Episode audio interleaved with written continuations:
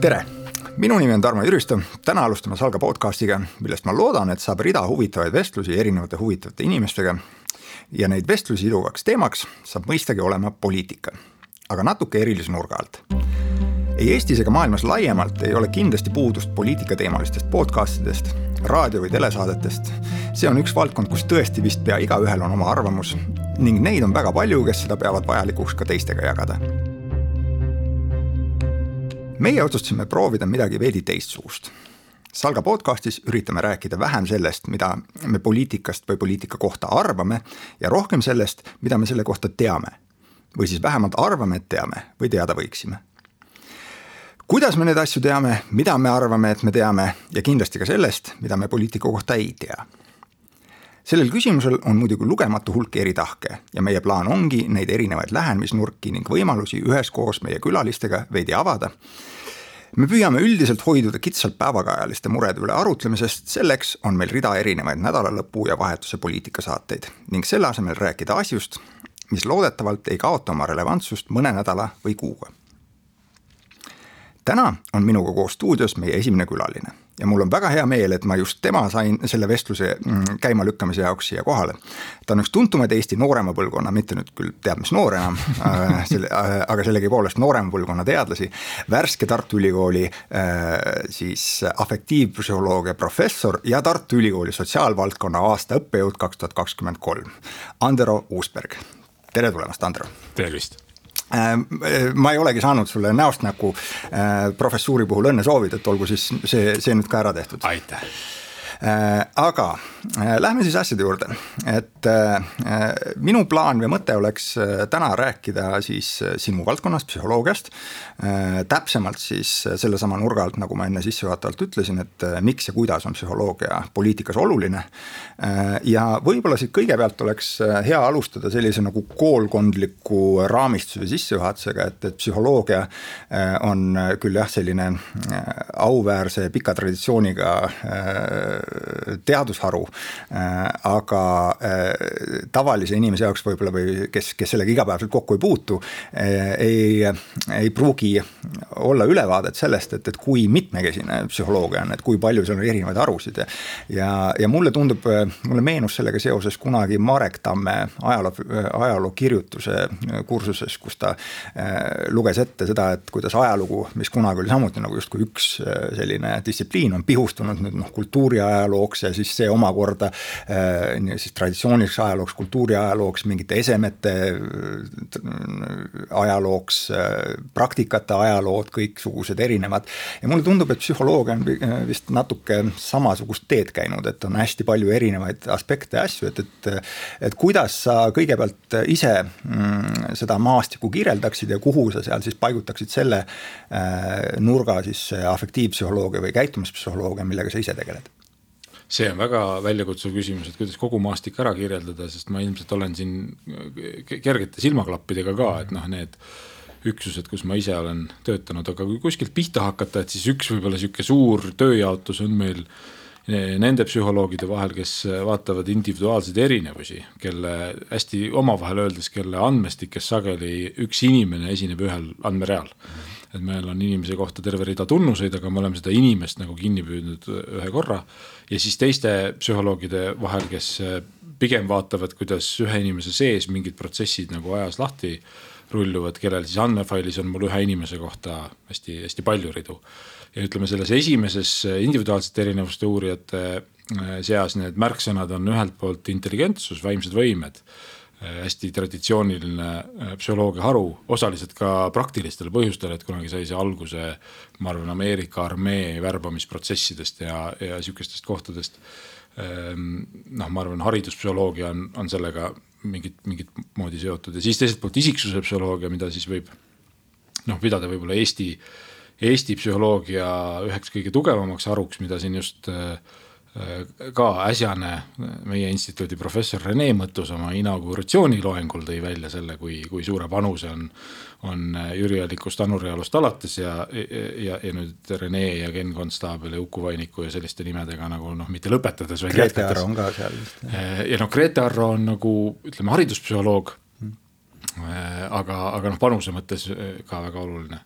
ja siis mina olgugi, et äh, Jüri Allik on minu doktoritöö juhendaja ja ma äh, doktoritöö alguses isegi äh, natukene nagu tegutsesin ka isiksuse võib-olla selliste ajumarkerite otsingutega ja nii edasi, aga ma olen nüüd rohkem liikunud sellele poolele, mis vaatab, et mismoodi siis psüühika töötab, mis need nagu niisugused mehhanismid on.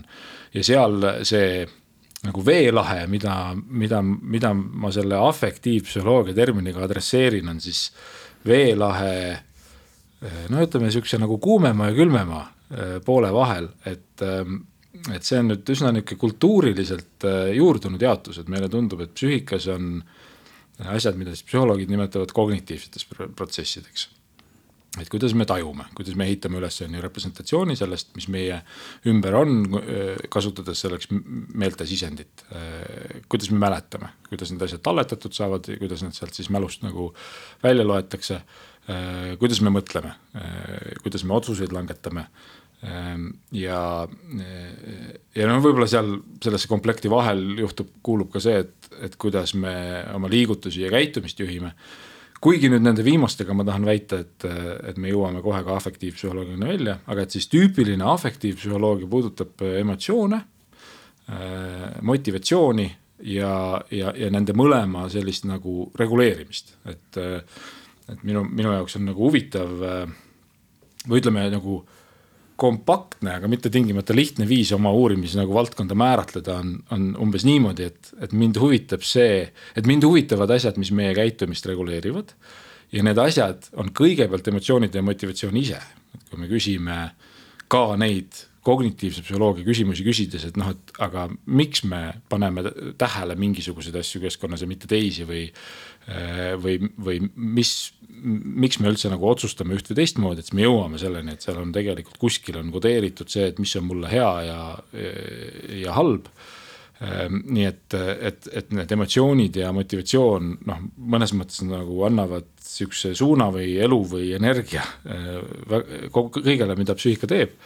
aga lisaks sellele äh, noh, selgub, et, et me oleme siuksed hierarhilised, hierarhiliselt struktureeritud olendid, et me tegelikult võtame ette asju, et, et reguleerida neid samu asju, mis meid reguleerivad. me reguleerime oma emotsiooni, eks ole, et tuleb jäätisisu peale ja ma võtan midagi ette, et mitte selle, mitte seda isu ellu viia. räägi enda eest või et tuleb või tuleme teemale lähemale, et tuleb isu peale sotsiaalmeedias kellelegi halvasti öelda ja noh, ütled või siis ei ütle, eks ju, et et inimese see käitumise kujunemine on selles mõttes nagu põnev ja kõige lihtsamalt öeldes nagu vähemalt kahekihiline, et mul on see emotsionaalne, motivatsiooniline sihuke esmane võib-olla reaktsioon ja siis nihuke regulatsioon. Ehm, et need on niuksed noh, psüühikat või inimest kui nähtust nagu eh, fookusesse võtvad jaotused ja siis on noh, nagu päris palju, ma arvan, nagu psühholoogia alajaotusi on siis noh, lähtuvad võib-olla mingist rakendust nagu või, või isegi noh, rakendus on siin ka võib-olla liiga kitsas, aga noh, mingisugusest kontekstist, me võime rääkida näiteks keskkonnapsühholoogiast, mis küsib, on ju, et kuidas inimene reageerib sellele, et, et mismoodi ruum tema ümber või, või, või looduskeskkond, kuhu ta satub, on ju, on struktureeritud või hariduspsühholoogiast, mis on ju vaatab, on ju, et kuidas areneb. Ehm, väga oluline on siis arengupsühholoogia, ehm, mis ehm, on no võib-olla siinkohal ongi nagu hea, ma arvan, üks, millega võib ka selle sissejuhatuse lõpetada, et üks mm., üks oluline mõte siia võib-olla juurde on see, et et noh, mina, et sina küsid neutraalselt, ma praegu räägin mm. ka sellest neutraalselt, et psühholoogial on palju eri nagu harusid, aga et on selgelt võimalik võtta kriitiline positsioon, öelda, et see on probleem, et me oleme äh,, üritan vältida nüüd seda silotorni, aga et, et põhimõtteliselt on ju, et me oleme killustunud ja et see on, et see on pigem nagu sellise te teadustööstuskompleksi nagu mugavuslahendus, et, et mul on väga lihtne kui ma käin konverentsidel, kus on inimesed, kes nagu mõtlevad nagu mina, eks ju, ja ma ehitan oma karjääri üles ja ma ei pea ennast vaevama küsimustega, et noh, kuidas näiteks asjad arenevad, sest sellega ju tegelevad arengupsühholoogid. ja nüüd, kui sa võtad nagu natuke kainema positsiooni, et see on ju täiesti jabur, et, et kui tahta mõista mingit süsteemi, et siis on raske leida väärtuslikumat infoallikat kui see, et kuidas süsteem areneb välja. Äh, aga ometi psühholoogias väga sageli on nagu see tööjaotus. et Eestis on noh, näiteks Aaro Toomela on, on selline äh, noh, tülinorija oma, oma selles teaduse, teaduse nagu positsioonivõtus, et ta on oma kriitikas väga reljeefne. aga tema kriitikal minu hinnangul on väga tugev iva sees ja ta kriitika on just see, et me oleme psühholoogias jätnud soiku Äh, oma nähtuse tervikliku nagu määratlemise, äh, põhimõistetes kokkuleppimise ja oleme selle asemel nagu niimoodi killustunud. Mm. noh, see ei ole muidugi kaugeltki äh, ainult psühholoogia ja, probleem, et, et see on teaduses kogu see silostumine hästi üldine mure. ja siit tegelikult ma tuleks afektide juurde hetke pärast tagasi, aga korraks lihtsalt, kui sa seda juba mainisid ja puudutasid, et siis omaette üks huvitav teema, mida ma, mille juurde ma niikuinii oleksin tahtnud tulla, on, on siis see, et, et psühholoogia Äh, ühelt poolt on jah, tõesti, et psühholoogias sees on, eks omad sellised äh, noh, eraldi harud, mida sa juba mainisid. Äh, nende harudel on siis kas rohkem või vähem omavahelist läbikäimist või, või, või sidet. aga psühholoogial on loomulikult ka väljapoole siis konkreetselt seda nagu psühholoogia enda mm. kitsast uurimisobjekti seoseid ja üks selliseid noh, meie tänase jutu koha pealt ilmselt relevantseid ja huvitavaid on, on selline noh, haru või, mis ei olegi tegelikult ju tehniliselt psühholoogia haru, vaid äh, interaktiivne distsipliin nagu poliitiline psühholoogia mm. -hmm. mis siis äh, hõlmab enda all noh, väga kirjut metoodikapaketti, alates seal tõepoolest mingist majanduse tööriistadest, antropoloogia mm -hmm. vaadetest inimestele, sotsiaalpsühholoogia tööriistakastidest, mis vaatab sageli mitte siis nagu noh, kust sa alustasid ka, et psühholoogia aines on justkui nagu indiviid või, või tema siis reaktsioonid keskkonnale või, või see, et kuidas me kokku oleme pandud. et siis poliitiline psühholoogia mingis mõttes vaatab seda jällegi, keerab selle nagu pikksilma teistpidi ja vaatab seda mm, -hmm. kuidas inimesed gruppides töötavad ja liiguvad, aga vaatab seda just nimelt siis jällegi psühholoogia tööriistade või töövahendite või nurkade alt on ju, eks.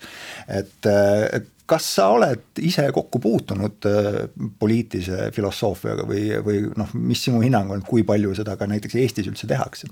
ma olen suhteliselt vähe kokku puutunud, et, et psühholoogia, et minu kokkupuuted on ka sellised, kus on, kus on psühholoogia kokkupuuted, et seal nüüd jah, üks väga oluline äh, haru, mis enne jäi mul mainimata, on siis tõesti sotsiaalpsühholoogia, mis võtab äh, esimest korda nagu tõsiselt fookusesse selle, et, et inimene on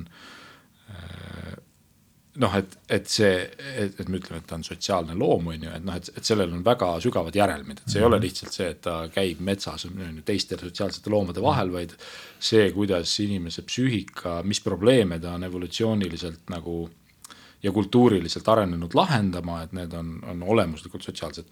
et, et sotsiaalpsühholoogia sees siis sellised poliitilised teemad tulevad noh, mõnes mõttes nagu teemana iseeneses lauda ja teinekord tulevad nad ka selliste nagu noh, heade laborihiirtena mingitest nähtustest nagu näiteks äh, tugev grupiidentiteet, et, et kui väga palju psühholoogiat tehakse Ameerikas, et siis ikkagi see noh, sealne äh, parteipoliitiline identiteet no mis mõnes mõttes võibki isegi väita, et ta on võib-olla juba väljunud sellisest nagu poliitilisest identiteedist, ta ongi nagu üsna sügav kultuuriline või niisugune sotsioloogiline identiteet, et seda siis seal nagu vaadatakse, on, on nagu minu noh, luge-, lugemislauale ka mm. nagu sattunud ähm, ja siis noh, teistpidi äh, on mul jah huvitav äh, olla selles rollis, et lisaks sellele, et ma olen psühholoogiateadlane, olen ma siis see inimene, kellele sa sissejuhatuses on ju osutasid, et ma jälgin, on ju, mõtlen kaasa. Äh, ja, ja mind on päris palju, ma arvan, formeerinud see, et, et ma veetsin kolm aastat järeldoktorantuuris Ameerikas ja need sattusid, need pöördelised kolm aastat, kus kus Trump tuli võimule mm, -hmm. et ja et mul oli enne selline noh, lihtsalt sihuke kergelt nohiklik, ütleme huvi nagu, nagu ühel endast lugupidaval on ju Eesti, Eesti noorel haritud inimesel sageli on, et no ma ikka sellest Ameerika poliitikast ka tean natuke. et siis selle pinnalt oli, oli väga põnev seda jälgida ja noh, edasine muidugi muutus noh, juba niimoodi eksistentsiaalsemalt nagu põnevamaks. aga ma arvan, et ma siin äh, meie tänase vestluse käigus noh, olen natuke selles naljakas rollis, et, et mul on mingid asjad on mul noh, nii-öelda ekspertteadmised ja teised on tegelikult ikkagi täiesti tavakodaniku mingid niisugused tähelepanekud. aga mingites asjades sa oled tegelikult sellesama poliitilise psühholoogia, see, see, kuhu mu see küsimus tegelikult ka sihitud oli, et täitsa nagu käed mustaks teinud ja, ja praktilistes asjades äh, kokku puutunud sellega. üks artikkel on minu sellest CV-s äh, kus me vaatasime, mis on, langeb sellesse ansamblisse, et need poliitilised protsessid on sageli siuksed nagu head laborihiired, et et see ei olnud nagu minu veetud, aga ma seal osalesin, et üks kolleeg avastas, et et Trumpi võitu võib pidada selliseks noh, nagu unikaalselt jagatud emotsionaalseks šokiks mm, -hmm. mis on iseenesest psühholoogile täiesti harva nähtav, harva nähtav nii-öelda stiimulmaterjal, et meie emotsiooniuurijana, noh, ma olen sageli selle dilemma ees, et mul on võimalik uurida e-, tugevaid tõeliseid emotsioone, noh, mitte neid pealt vaadata, aga näiteks inimestelt küsida. ja noh, päris äge on, kui me küsime näiteks, nimetame seda kogemuse väljavõtteks, et me küsime mobiiltelefoni vahendusel saadame väikse sõnumikese, ütleme, et mis sul parasjagu toimub viimase tunni aja jooksul, et me saame sellele kogemusele päris lähedale. aga see kogemus on lõpp, lõputult unikaalne, eks ole, igal inimesel erisugune. mis tähendab, et kui ma tahan inimesi võrdlema hakata, mul on probleem ja noh, universaalne lahendus on siis tuua laborisse inimesed. mida me siis ka rõõmuga teeme, tänapäeval labor noh, võib tähendada ka seda, et, et see on niisugune veebikatse, kus ma kontrollin stimulatsiooni ja, ja näitame inimestele siis kas mingeid fotosid või filme või muul moel, paneme nad mingit niisugust võib-olla mängu mängima, et nad kogevad mhm. kaotuse valu ja võidurõõmu. aga see kõik on noh, mingi piirini tinglik ja kunstlik ja nüüd siis see Trumpi võit oli mõnes mõttes nagu olukord, kus meil on päris eluline asi, mis tabab äh, väga paljusid inimesi noh, ikkagi suures pildis nagu sarnaselt.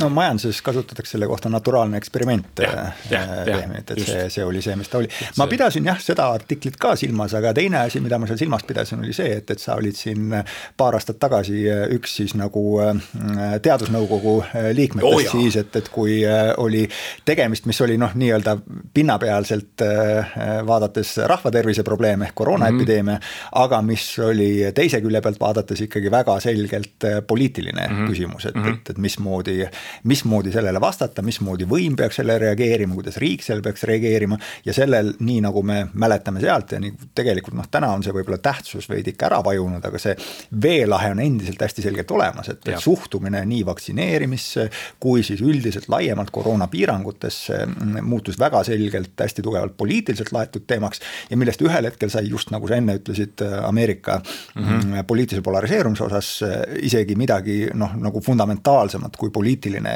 erimeelsus on ju, eks, et kus inimesed saavad kuskil, kuskil mm -hmm. maal justkui kokku leppida, millest sai omaette kultuuriline äh, identiteet äh, ja, ja see on asi, et millega sa puutusid ikkagi täitsa ju jooksvalt igapäevaselt ka praktiliselt Jaa, kokku. see on väga huvitav, et ma, et, et ma olen kõigega nõus, mis sa ütlesid mm -hmm. ja ma jah ei ole nagu äh, nagu sõna poliitika oma selles kogemuses nii keskselt kasutanud, et jah, et minu jaoks seal on eh, et, et seal on siis võib-olla ähm, sellest kogemusest on nagu kuidagi eh, kaks nagu vaatenurka, et üks on siis selline äh, nagu teaduse rakendamise vaatenurk ja see on noh, et ütleme, kui eristada poliitikat avalikust haldusest, et see siis langeb pigem sinna halduse poole peale, et mul oli tõesti. Policy poole peale siis justkui jah. jah, et väga unikaalne võimalus nagu näha seestpoolt, et, et noh, et kuidas on ja kuidas ei ole võimalik teaduslikku teadmist on ju rakendada. aga just nimelt nagu jah, nagu policy ehitamisse. Ehm, ja siis teine minu, minu selle nagu istekoha unikaalsus oli tõesti siis noh, nagu ülesanne ja ka teatud andmestik, mille põhjal siis aasta jooksul jälgida ühiskonnas toimuvaid protsesse ja see on loomulikult, need protsessid on, on poliitilised, ma olen sinuga mm -hmm. nõus. ma lihtsalt jah, oma peas mul ei olegi seal vist olnud õiget äh, mingit ühtset terminit, aga et noh, need on kindlasti, need on psühholoogilised, sotsioloogilised, aga ka väga tugevalt poliitilised. ja korraks võib-olla siin lõppu veel lihtsalt mainida, et kui ma kuulasin seda ka, kui sa rääkisid noh, sellest äh, sotsiaalpsühholoogiast ja sellest, et mismoodi äh, inimene on sotsiaalne loom või siis noh, nagu Aristoteles ütles, poliitiline loom on mm -hmm. ju, eks, et siis mulle tuli siin pähe kohe äh, see nii-öelda paralleel küll sotsioloogia poole pealt, kus Dürkheim äh, hästi kuulsa äh, tekstina äh, kunagi avaldas uurimuse enesetappudest mm. -hmm. mis on ju samamoodi tegelikult tema see argument selle, selle raamatu ava, avasõnades oligi just see, et, et ühelt poolt on suitsiid, enesetapp on üks kõige isiklikumaid asju, mida inimene üldse saab otsustada. aga kui hakata vaatama mustreid, siis see ei ole isolatsioonis, inimesed mm -hmm. ei tee neid valikuid kuidagimoodi üksikuna või isoleerituna, et, et seal on taga mingid sotsiaalsed äh, noh, mustrid, äh, voolud, sotsiaalsed põhjused, miks mingitel hetkedel need lähevad, on olemas täiesti sesoonsus on ju, eks, et mm -hmm. enesetappude, enesetapumäärade osas eri riikides sarnasel moel, isegi sarnastel põhjustel on ju, eks, ja see omakorda viitab sellele, et, et, et tõenäoliselt äh, kehtib see ka laiemalt kui ainult äh, elust lahkumise küsimuste osas, et, et, et inimeste isiklikud valikud ei ole lõpuks noh, kui, kui sinna piisavalt sisse kaevata, nii isiklikud, kui nad esmapilgul võivad tunduda. ja, ja see on muidugi psühholoogia nagu noh, krooniline väljakutse, et et noh, et, et kui psühholoogilt küsida, et kas see on nii, nagu sa ütled, siis psühholoog on nõus, et kõik saavad aru, et see sotsiaalne süsteem ütleme selle sotsiokultuur, isegi võib laenata siin minu meelest kolleegid Ühiskonnateaduste Instituudis kasutavad sotsiot tehnokultuuriline, et on mm -hmm. nagu noh, kolm sellel keskkonnal, milles me tegutseme, et vähemalt kolm olulist mõõdet, et, et on jah, sotsiaalne. siis on, ütleme jah, see põlvest põlve edasi antav nagu tähendusruum, mõistestik on ju ja sinna peitunud äh, valikud. ja, ja tehnoloogia ka väga olulisena, et see kõik on oluline, aga, aga et, et meie fookus enamasti on ikkagi indiviid mm -hmm. ja, ja see tegelikult noh, nagu natukene mitte ei dikteeri, aga, aga noh, paneb nagu käeulatusse ikkagi mingid seletusmudelid, kus see, selle keskkonna või ühiskonna kirjeldus jääb noh, noh suhteliselt primitiivseks, me küsime, et mis see nagu sisend sellelt ühiskonnalt on. ja selles mõttes on minu meelest noh, ülimalt loogiline ja tänuväärne ja vajalik, et meil on distsipliinid, mis võtavad uurimisobjektiks selle asja enda, on ju, kogu selle äh, komplekssüsteemi ja, ja noh, sealt tuleb väga huvitavat innovatsiooni ja, ja, ja loomulikult saab neid asju ühendada, et, et üks valdkond, millega ma ise ei tegele, aga mis ma arvan, praegu on, on hästi äge, on on see, kus äh, on niisugune noh, nii-öelda komputatsiooniline sotsiaalpsühholoogia, et kus ehitatakse noh, sisuliselt mudeleid kogukondadest, sageli on nad siis sotsiaalmeedia kogukonnad, kus see üksikagent äh, on viidud, eks ole, ülima lihtsuseni. Äh, äh, et tal, tal noh, ta langetab mingisugust otsust, et kui ma näen mingisugust postitust, eks ole, et kas ma nagu retweet in või like in või ei tee midagi.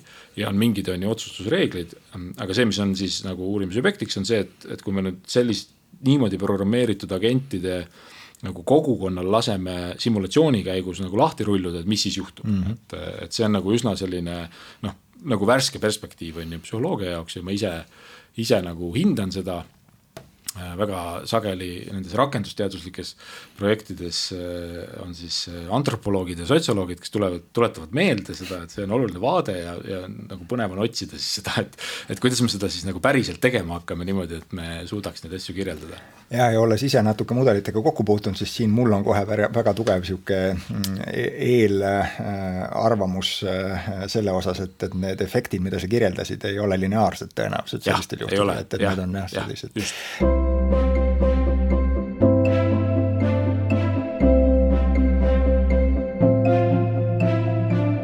tuleme korraks tagasi nüüd siis sellesama, mida sa mitu korda oled viidanud, selle indiviidi vaate juurde ja ma korraks suuniks sisse siis sellesse samasse sinu mm -hmm. kitsama eriala poole peale, siis afektide juurde, et ähm, sa ise mainisid, ütlesin ka seda kahte nagu tasandit on ju, eks, et üks on see, et, et meil on äh, või kõigepealt äkki sa, kas sa oskad anda selle mingi täpse tehnilise eristuse emotsiooni ja afekti vahel, mul on endal mingi aimdus, et kuidas neid võiks eristada, aga, aga et teeks selle terminoloogia osa korraks kiirelt selgeks. siin ei ole nagu päris ühte lõplikku, et mina kasutan äh, Äh, afektiivset sellise nagu katusterminina siis erinevatele äh, seisunditele, kus äh, sisald-, noh, põhimõtteliselt on nende jagatud komponent on see, et neis ikkagi sisaldub mingisugune nagu valentsi representatsioon, et miski on hea või halb, et mm -hmm. ei ole, ei ole lihtsalt, et on. ja nüüd emotsioon on nagu kõige prototüüpsem näide sellest ja emotsioon koosneb palju enamast kui ainult -hmm. see lihtne selline valentsi representatsioon, et võib öelda, et, et ka hoiak või poliitiline eelistus on selles mõttes afektiivne nähtus.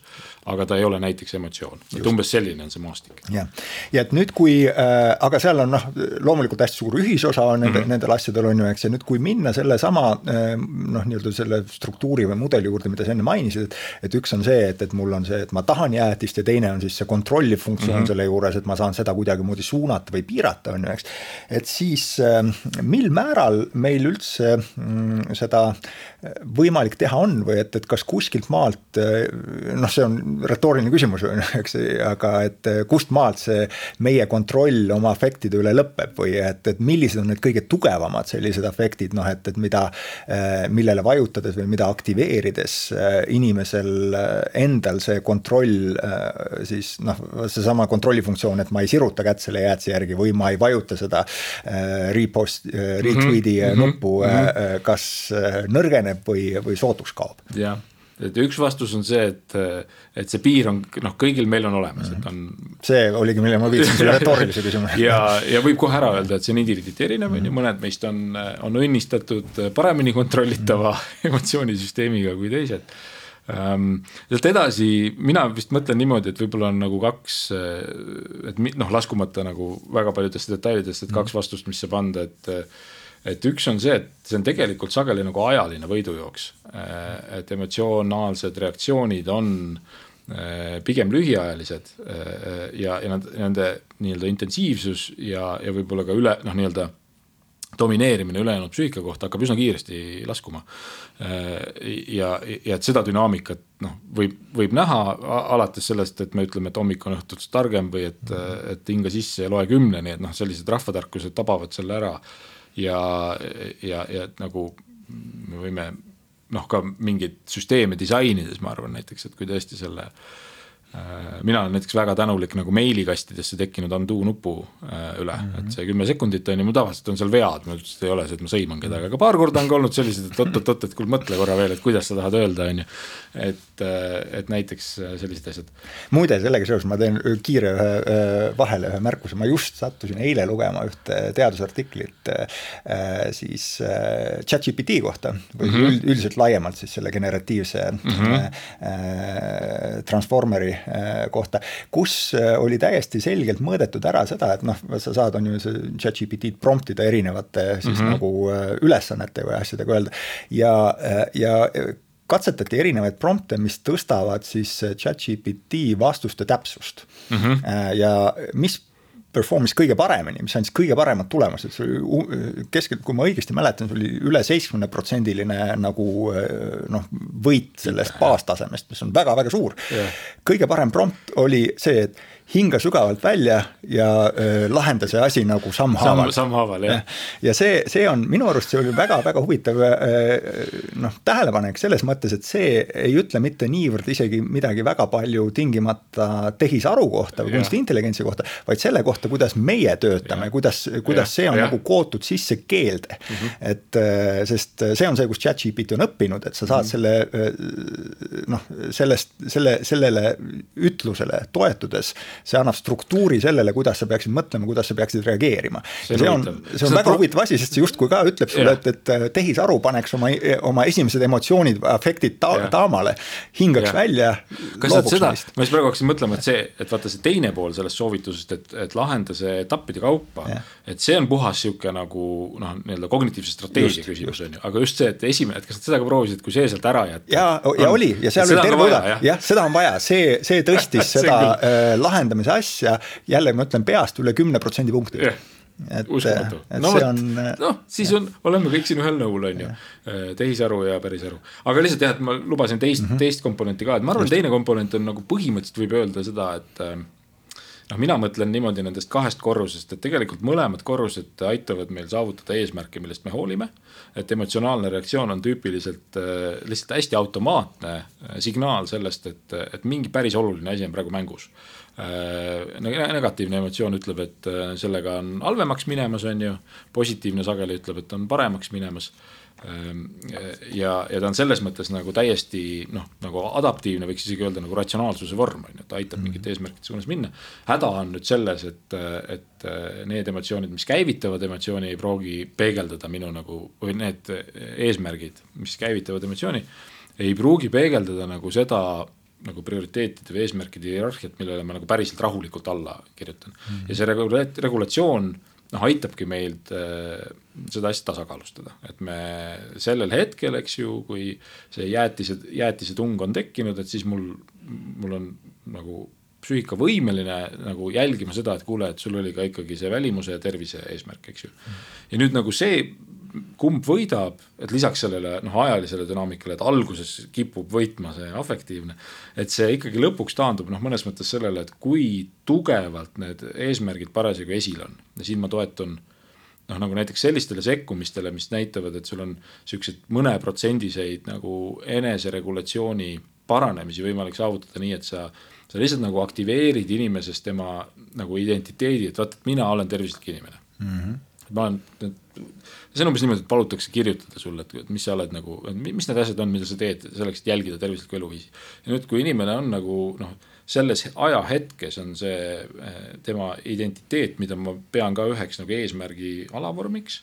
Eh, et, et ma tahan olla selline inimene, et kui mul see on parasjagu aktiivne, siis see, siis see nagu vajutus sellele pedaalile või kaalule saabki olema tugevam ja nüüd nagu selle noh, sageli me jääme nendes debattides iseendaga või nendes võidujooksudes alla, sellepärast et see emotsiooni tekitav nagu eesmärk noh, on nagu hästi fookuses ja see on emotsiooni üks ülesanne, tõsta see et mulle tundub, et see on ta üks ülesanne, et sageli on ju nagu noh, väga tugevad emotsioonid on seotud tõesti elu ja surma küsimustega on ju, et väga tugev hirm. et, et noh, et see ongi see, miks meil emotsioonid on, et ma mööda tänavat käies noh, ei aktiivselt ei tegele sellega, et kas see auto sõidab mulle otsa või kui ta tuututab või, või hakkab kõnniteele lähenema, et siis noh tehakse kõik, et ma selle eesmärgi nimel unustaks kõik teised mm. -hmm.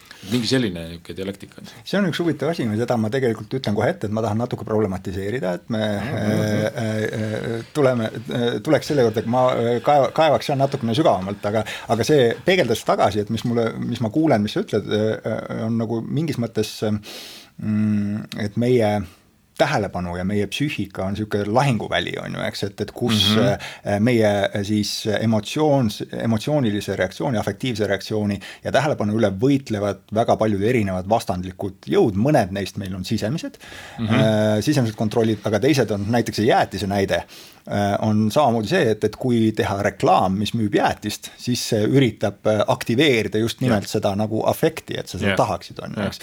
aga seda on võimalik teha ka selles mõttes, et ja siin ma jõuan võib-olla noh, esimese ringiga selle problematiseerimise juurde, et, et sa võid ju ehitada inimesele ka sellesama äh, nii-öelda identiteedi, et mm -hmm. jäätis on osa su identiteedist see on asi, mida Eestis on Riina Raudne on mm -hmm. kunagi pikalt uurinud alkoholiga mm -hmm. seoses, et, et kuidas äh, alkoholireklaamid mängivad mm -hmm. rahvuslikul teemal mm, -hmm. eks, et, et see on see, et, et, et äh, ikkagi, kui on vabariigi aastapäev, siis tõmbad äh, masti sinimustvalge ja võtad pitsiviru valget. või et, et õlu on see jook, Saku on see, mida noh, mis seo-, seostub sõpradega, mis mm, -hmm. mis, mis mängib just nimelt sellel identiteedi osal, mitte tingimata afekti osal ja sageli mängivad mõlemad. sest jällegi see, et, et noh, ma ise ei joo õlut, aga, aga need, need reklaamid sellest vaata noh, külmast õlust, mis sellesse vahu, vahusena ja. sellesse klaasi tuleb, kus on need higipisarad klaasi ja. peal on ju, eks ju kõik, et siis see on asi, mis, mis töötab samamoodi jällegi võimendab ka seda afekti poolt selle juures, eks ju Ja, et sa saad mõlema, mõlema tööriistaga töötada. saad ja siis mina selles mõttes ma vist isegi need erisused äh, seg-, segaks ikkagi rohkem ära, et, et ma arvan, et siin on erisus on nagu äh,, nagu nagu parajasti fookusse tõstetud eesmärgi ja mitte fookusse tõstetud eesmärgi vahel ja see erisus, mis ma silmas pean, on see, et kõik eesmärgid, mis on fookusse tõstetud, suudavad tekitada emotsioone, et selles mm -hmm. mõttes ka identiteet, noh, me jõuame poliitikani, et siis mm -hmm. tegelikult pakun, et ikkagi kõige tugevamad äh, emotsioonid selles poliitika vallas tulevadki küllaltki eh, noh, et üks on nagu see identiteet, noh, niisugune mina versus äh, nagu või noh, meie versus teie, on ju. Mhm. Eh, teine on ikkagi siuksed äh, väärtused, mis on ka väga abstraktsed, mis tekitavad meis sihukest moraalset tülgastust, eks ju. ja need on väga tugevad tunded, et selles mõttes selle eesmärgi selline asukoht sellel sihukesel hierarhial, kus ühes otsas on mingi sihuke noh, väga, ma ei tea, kehaline ellujäämine, et vot jäätis, suhkur on ju mhm. vajalik mm. teises otsas on midagi küllalt abstraktset, et, et see hierarhia tingimata ei, ei nagu joondu selle äh, emotsiooni versus regulatsiooniga mm, -hmm. et, mhm. sellega joondub pigem see, et et need eesmärgid, mis mul on mingil põhjusel psüühika on nad nagu tõstnud sellesse rolli, et nad, et nad hakkavad käimitama seda et nad, et ma, et ma vaatan maailma, seiran olukordi nagu just nendest eesmärkidest lähtuvalt. ja mingid teised on mul nagu tagaplaanil mm. -hmm. et seal tekib just see koht, kus regulatsioon üritab neid teisi sealt tagaplaanilt ka nagu tuua tagasi, et kuule, et, et lisaks sellele, et sa oled siin äh, Äh, on ju liberaal versus konservatiiv, et sa võib-olla oled noh, lihtsalt inimene on ju, kes lastetuba ei luba teistele halvasti öelda või niimoodi, kuigi noh, väga emotsionaalselt sellel hetkel nagu tahaks või midagi sihukest. selle liberaal versus konservatiiv asja juurde ma äh, tulen kindlasti kohe hetke pärast tagasi, aga et ma enne veel korraks võtaks, sa mainisid neid samu hästi tugevaid siukseid negatiivseid efekte ja et see on mm, -hmm. see on üks asi, mida, mis noh, poliitikas on ilmselgete konnotatsioonide ja ilmselget, ilmselge relevantsusega, et noh, näiteks needsamad sellised, sa mainisid siin noh, jälestust korra mööda mööda minnes on ju vastikust, hirmu. et äh, need on, need on asjad, et, et mis on hästi-hästi tugevad efektid mm, -hmm. neid hästi palju kasutatakse poliitikas, noh, ma just jällegi täna äh, sattusin lugema seda mm, meediast seda, et kuidas Henn Põlluaas oli just äh, siis käinud Ungaris ja toonud sealt kaasa hea mõtte, et Ungaris meie hõimuvelled juba siis Orbani juhatusel on teinud kohustuslikuks poodides panna toiduainetele sildi peale, mis sisaldavad putuka, putukvalku või midagi sellist, on ju, eks. ja et seda peaks ka tingimata Eestis samal moel tegema. ja noh, minu jaoks on hästi selge, et millele see mängib, et see mängib just nimelt sellele nagu jälestuse mm -hmm. aspekti, millest noh, Kristeva on rääkinud, on ju, mhm. eks psühhoanalüütilises võtmes mm, -hmm. et, et mis tekitab hästi tugevat sellist nagu instinktiivset reaktsiooni, et sulle püütakse, siin noh, Martin Helme on rääkinud, kuidas Eesti rahvast sunnitakse neid prussaka burgereid sööma mm -hmm. ja, ja mida kõike muud, et, et siis äh, seal püütakse äh, täiesti selgelt luua siis seda noh, nagu prussaka visuaali ja, ja tuua see ja. sisse sellele, mis on, mis on siis noh, nii-öelda see teises kontekstis on toiduvalk, eks. jah, jah, jah, jah, just ja sellel on tõesti ähm siin ma mõtlen, et kui palju avada, on ju mingid nagu psühholoogia, need teoreetilised vaidlused, need pole nagu super olulised praegu, aga ühesõnaga, et on. on üks koolkond, mis arvab, et see emotsionaalne reaktsioon on noh, nagu väga tugevalt evolutsiooniliselt sisse kirjutatud, teine mm -hmm. koolkond, mis ütleb, et ta on nagu keerulisem, vahet pole. aga et see äh, loogika on küll hästi tõestatud, et erinevatel siis sellistel nagu diskreetsetel emotsioonidel on siis sageli niisugune nagu prototüüpne äh, olukorra niisugune motivatsiooniline tähendus, mis teda käivitab. näiteks selle näite juures siis võib rääkida, et, et, et vastikust või, või, või seda põlastust või tülgastust tekitavad siis sellised olukorrad, mis on või, või ka stiimulid nagu mm -hmm. näiteks putukad mis on ilmselgelt eh, ohtlikud või noh, sul mhm. tasub eeldada, et nad on ohtlikud ja samas on nad nagu suhteliselt hästi kontrollitavad. et kui, kui me nüüd võtame kõrvale olukorra, kus ma kohtun karuga, mis võib-olla noh, minu elule, tervisele on, on sarnane oht, aga mille puhul noh, minu šanss on ju teda lömastada on hoopis teine mm.. et siis see reaktsioon saab olema teistsugune, et see on, on pigem, pigem põgenema, hirm on ju, pigem põgenema ja, ja et sellest valgusest on noh, tegelikult päris huvitav analüüsida ka poliitilist retoorikat, et, et, et millisel hetkel on poliitilisel jõul kasulik midagi kuvada nagu hirmutavana ja millisel juhul pigem siis sellise nagu tülgastava või vastikust tekitavana. et, et noh, konkreetselt ikkagi on ju äh, sisserändajatest mm emma-kumma emotsiooniga mängitakse. mõnikord mõlemaga. ja mõnikord mõlemaga jah, aga et seal see üks niisugune järelm on see, et, et, et kui ma, kui ma pigem lähen seda vastikuse teed, et siis, et siis see noh, nii-öelda käitumiskavatsus, mis, mis emotsiooniga kaasneb, on, on pigem noh, tõesti selline lõõmastamine, et teeme, teeme kiirelt ära ja, ja puhastame, hoiame eemale ja, ja, ja kui see on hirm, et siis, et siis on noh see inimene tunneb ennast natuke abitumana, et see on võib-olla nagu on ju populistile nagu libedam tee, kuhu minna, et noh, okei okay,, mis ma su hirmuga nüüd teen, aga no vahel on ka see tegelikult vajalik, et sa noh nagu mobiliseerid, nii et mm. -hmm. et see, et erinev, et, et negatiivse emotsiooni sees need erinevad varjundid, et on ta hirm, on ta viha, on ta vastikus. et noh, sageli need ei ole nii selgelt eristatavad, aga kui tahta, võib otsida huvitavaid seoseid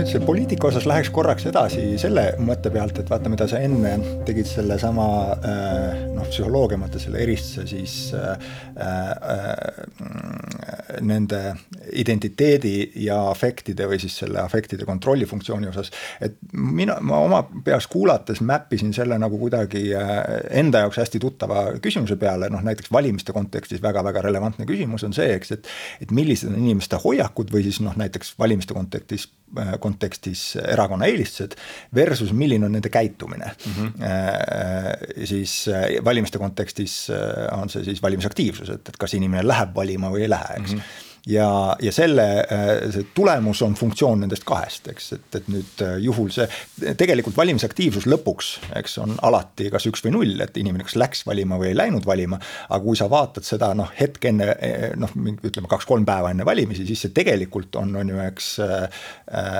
noh, ta, ta ei ole mhm. binaarne mm, -hmm. et ta mm, -hmm. ta on noh, tehniliselt öeldes stoh, stohastiline mhm. muutuja mm, -hmm. et, et, et sul on mingi tõenäosus, mõned inimesed, mõne inimese jaoks on üks, ta on suur mm -hmm. kindel, et ta läheb. kui tal noh, mõlemad jalad ei murdu ja, ja, ja midagi uskumatut ei juhtu, on ju. ja mõnede inimese jaoks on üsna kindlalt null, et, et ütleb kindlalt ei lähe, eks, aga e-, enamus mm. inimeste jaoks ta on kuskil seal nagu sellel skaalal vahepeal on ju, eks. ja see omakorda siis viitab sellele, et, et sul on võimalik nihutada seda mm. -hmm. et sul on võimalik kallutada seda inimest rohkem kas nulli suunas või ühe suunas, kõiki inimesi ei ole, aga väga paljusid on ja ma ütleks isegi, et enamust on, on ju. ja samamoodi äh, on, ei ole kuidagimoodi ilmselt äh, probleemne see, see ütlus, äh, väide, et, et inimeste hoiakuid on võimalik kallutada mm. -hmm. Neid kipub olema reeglina keerulisem muuta, et või, või noh, et ta võtab vähemalt pikemalt aega ja rohkem vaeva selleks, et, et mõjutada. aga noh, tõenäoliselt me kõik oskame enda kohta öelda, et, et mingi, mingites asjades me oleme oma hoiakuid muutnud mm. -hmm. ja see peaks viitama sellele, et seda, seda on võimalik teha. kas see nagu ütleme nii-öelda sellise see analoogia või paralleel selle, selle osas, et mida sa arvad, et sa tead, et kes sa oled, on ju. mil-, millest lähtudes sa siis ütled, et noh, mulle meeldib kas see poliitika või teine, et me võime öelda siin see, et ma olen kas konservatiiv või liberaal, on ju, eks. Versus siis see, et kuidas me käitume kui ma sõnastan selle küsimuse nii, et ütleme, et, et võttes seesama see liberaal versus konservatiiv, et kas need terminid peegeldavad pigem seda, kes sa oled või seda, kuidas sa käitud mm.? ja ma arvan, et sellest valikust on ju seda, kes sa oled. et ähm, äh, no minu jaoks see, mis, mis, mis sa nagu valimiskäitumisest nagu lauale panid, on ju, et see hästi imeliselt haakub kogu siis sellise äh, noh, mõjutamispsühholoogia või tervisepsühholoogia vallast on ju teadaoleva asjaga, et see, et kui äh, inimesed teavad, mis neile on kasulik, peaks mhm. liigutama ja salatit sööma ja niimoodi, et noh, et selle infoga on sageli väga vähe peale hakata ja, ja noh, ka ütleme sealt järgmine järelm on see, et, et isegi kui sa teed mingisuguse sekkumise, mis siis võib-olla suurendab neid äh, noh, uskumuse tasandil olevaid eeldusi, et, et võib juhtuda, et see sekkumine noh, töötab, et inimese uskumused nihkuvad, aga et noh, käitumine lõpuks ei nihku. et, et see on hästi tuttav, tuttav probleem.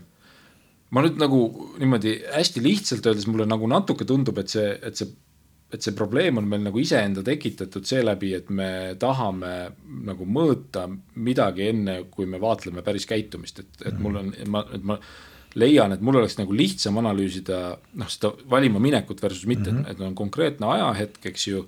ja seal ma suudaks siis ikkagi äh, nagu kaitsta äh, noh, põhimõtteliselt sellist äh, tugevalt äh,, tugevalt äh, representatsiooni aktivatsioonist sõltuvat oodatava väärtusmudelit, mis ma selle all mm -hmm. mõtlen. et, et ma arvan, et äh, olgugi, et et see on sageli siis noh, nagu teatud mõttes lihtsustus, et ikkagi psüühika püüdleb selle nii-öelda oodatava väärtuse väljaarvutamise poole, et tal on kaks valikut, hääletan selle kandidaadi või selle poolt. ja, ja ta üritab äh, mingisugusel moel nagu läbi kammida, et millised tagajärjed siis ühel ja teisel valikul on. Äh, ja hinnata, et mida need tagajärjed minu nagu äh, jaoks tähendavad, mis on nende, nende väärtus. loomulikult ei tee seda normaalne inimene nagu Exceli tabeliga ja ei, ei arvuta neid numbreid välja nagu ma ühel kursusel tudengitel palun teha, see on alati väga lõbus. Äh, aga, aga et noh, psüühika nagu üritab sellele läheneda. Äh, ja nüüd väga paljud need niisugused üllatavad efektid on seotud sellega, et, et see, et see protsess on nagu noh, ajas ja, ja, ja ruumis piiritletud, et ta, et ta piirneb nende nagu representatsioonidega, mis parasjagu on esil. ja noh, ma arvan, et see on niimoodi poliitikavaatlejana võiks öelda, et noh, et, et, et, et see haakub sellega, et, et miks loeb see, et mis teemad on agendas, on ju nagu vahetult enne, enne valimisi. et nagu need et kui ma kasutan seda tagajärje mõistet, on ju, et ma valin ühte kandidaati või teist ja minu ülesanne oleks hinnata, et, et millised saavad olema ühe ja teise valiku teatud tagajärjed. et siis ma ei, tegelikult ei suuda kõiki nagu mulle tegelikult olulisi tagajärgi läbi mõelda, ma mõtlen ainult need, mis mul parasjagu pähe tulevad ja need, mis parasjagu pähe tulevad, sõltuvad sellest, millest on palju juttu olnud. ja niimoodi võib see noh, otsus nagu muutuda aga nüüd jah, selle, et see, et, et mis toimub selle hoiakuga, kui me küsime eelnevalt, et noh, siin on erinevaid viise, üks variant on ikkagi mõelda niimoodi, et see, et seesama nagu hoiak tekib sarnastest otsustest, aga otsus sellel hetkel on see, et mida ma siin küsimustikus vajutan. et mis mm -hmm. nuppu ma nagu vajutan, et, et ähm, ja seal noh, et seal ei ole otseselt neid tagajärgi, et midagi juhtuks sellest. et ma muidugi üritan nagu kuidagi võib-olla seirata, mis minu sees toimub, aga ka see on nagu otsus, et nagu peaksin otsustama, mis noh, et mida ma eelistan, mul tegelikult sellel hetkel seda eelistust ei ole, et ta nagu mõnes mõttes nagu kunstlik andmepunkt. no vot, ja siin ma tahangi tegelikult tagasi jõuda nüüd sellesama problematiseerimise asja juurde, mida ma enne viitasin, et mingis mõttes mulle see, mida sa praegu kirjeldasid, meenutab ka seda või tekitab paralleeli Tversky ja Kahnemani kiire aeglase mõtlemise teadmisega, on ju, eks. ja, ja kui ma nüüd su sellest mm, argumendist õigesti aru sain, et siis sa, sa ütlesid seda ka, on ju, eks, et et see, see ei ole mehaaniline kalkulatsioon, me ei arvuta neid kõiki mm -hmm. läbi, me kasutame seal mingeid heuristikuid mm, -hmm. mingeid nagu mm -hmm. lühiteid -hmm. on ju, eks, mingites mm -hmm. asjades. aga see on see koht, kus ma tahaksin alla, alla joonida, öelda, et, et meil on võimalik valida erinevaid heuristikuid erinevatel hetkedel. ja see on asi, kus me võib-olla väga sageli ei ole ka ise teadlikud sellest, mis põhjustel me mingi heuristiku valime mm. -hmm. ja, ja see, kui keegi tahab muuta mu hoiakuid või käitumist mingites asjades, siis üks moodus seda teha ongi see äh, aktiveerida mingid äh, noh, afektid, mingid heuristikud äh, pigem kui teised. Mis siis omakorda annab tagajärjeks selle on ju, eks noh, mida, mida ma sihin siin on näiteks see, et ähm, valimiskampaaniad ja ma ei räägi ainult Eesti omadest, üldiselt see on avastatud. Ameerikas on sellega võib-olla kindlasti noh, kindlasti mitte võib-olla kõige rohkem tegeletud, aga mitte ainult paljudes muudes kohtades on see ammu avastatud, on ju, eks, et sa ei pea tegelema sellega, et sa püüad muuta iga üksiku inimese nagu hoiakuid või, äh, või arvamusi mingites asjades, vaid sa tõstad mingid teemad mm -hmm. avalikus mm -hmm. debatis oluliseks ja see paneb inimesed, see kallutab seda lauaplaati, on ju, eks, et ja, ja kõik kuulid hakkavad veerema nagu mingis, mingis ühes suunas peale Just. seda. ja sellepärast hästi suur osa äh, valimisdebattidest käibki selle üle, et noh, mida Isamaa on siin kunagi öelnud, et äh, toonud sisse selle termini Eesti poliitikasse, et kes defineerib valimiste tuumkonflikti et äh, ma võib-olla ise selle sõnastusega veidike noriks ja arutaks selle üle, aga et noh, põhimõtteliselt see küsimus on jah sellest, et, et mhm. millised, millised teemad domineerivad. ja siit me jõuame järgmise sellise huvitava küsimuseni, eks, et mis laadi otsus on poliitiline otsus äh, poliitiline valik, äh, mida me teeme siis noh, kodanikena tegelikult sagedamini kui, äh, kui ainult valimispäeval, aga võib-olla kõige markantsemalt mm. valimispäeval. ja nagu sa ka ütlesid, et, et see ei ole asi, et kus enamus inimesi teeks Exceli tabeli ja kaaluks poolt ja vastu asju või, või loeks parteide äh, neid valimisprogramme ja teeks selle alusel kuidagimoodi väga läbitunnetatud otsuse, vaid seal kasutatakse selliseid shortcut'e on ju, eks, ja need shortcut'id tihtipeale võivad tõukuda nendest samadest tugevatest emotsioonidest nagu jälestusest mm, -hmm. hirmust, aga ka positiivsetest emotsioonidest. ja nüüd see võitlus käib justkui sellel tandril ja see problematiseerimise asi, mille juurde ma tulla tahtsin, on siis nüüd see, et äh, seal ma võin apelleerida samamoodi, samavõrd identiteedi äh, teemadele, kui siis äh, konkreetselt mingi valiku afektidele, see mm, -hmm. see erisus, mida näiteks Ameerika poliitika teoorias on, on kaheksakümnendatest peale väga oluliselt äh, silmas peetud, on sellise nagu, ma püüan nüüd jooksvalt tõlkida siis sellise äh, isikliku kasu või mis inglise keeles on pocketbook ja siis sotsiotroopilise mm -hmm. äh, otsustamise vahel, kus ma ütlen, et see ei pruugi mulle isiklikult kasulik olla, aga ma arvan, see on kasulik ühiskonnale mm -hmm. tervikuna mm. -hmm ma olen sellega kõigega nõus, ma siin isegi seda äh, probleemi üldse ei näe, äh, sellepärast et äh, nagu ma enne osutasin, et ma arvan, et emotsionaalne reaktsioon on võimalik esile kutsuda nagu mis tahes tasandil mm. -hmm.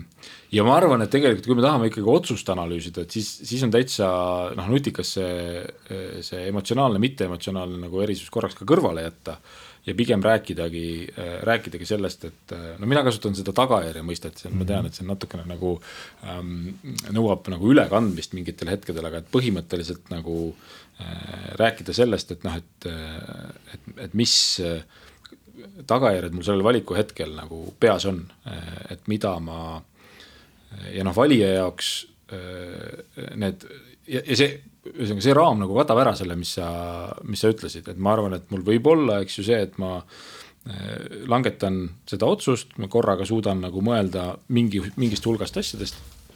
ja siis, eh, ja siis nende seas on ennekõike tõesti mingid sellised eh, noh, minu või siis, või siis minu grupi väga otsesed noh, valdavalt on need siis majanduslikud on ju väljavaated, et vaata, et see partei on ju kehtestab sellise maksu või annab sellise toetuse, on ju, annan, annan sinna selle hääle. no mulle üldiselt tundub, et, et nende asjade, et kuna see keerukus on nagu päris suur erinevates valimis nagu tsüklites, et kes mida lubab, esiteks ja teiseks äh, äh, nende ennustuste usaldusväärsus on väga madal mm, -hmm. mida me mhm. praegu näeme noh, hästi valusalt on ju, et, et tõesti äh, seda, et, et makse tuleb tõsta, et noh nagu sa oled ka mõnes avalikus kohas öelnud, on ju, et, et noh, et seda võis teada, kui sa oled arukas inimene. aga noh, see diapasoon, et mida see täpselt nagu tähendama hakkab, oli ikkagi väga segane. mis muudab selle arvestamise otsusele, et oot, et huvitav, mis erakonnale andes mul nüüd maksud kõige rohkem tõusevad, et noh, see on peaaegu võimatu ülesanne, ma arvan, et seda nagu väga vähesed valijad hoidsid on ju hingel. et, et see on ka üks põhjus, miks need võib-olla sellised küsimused, äh, mis ei ole otseselt siuksed instrumentaalsed, et mida mina saan. mis on rohkem siis tõesti siuksed ähm, küsimused, mis on õige, mis on vale, on ju, et mm. nagu põhimõtteliselt. Äh, või, või, või, või siis äh, meie, nemad noh, kuidagi üldisemalt, eks ole, et minu meeskond versus nagu see vastasmeeskond.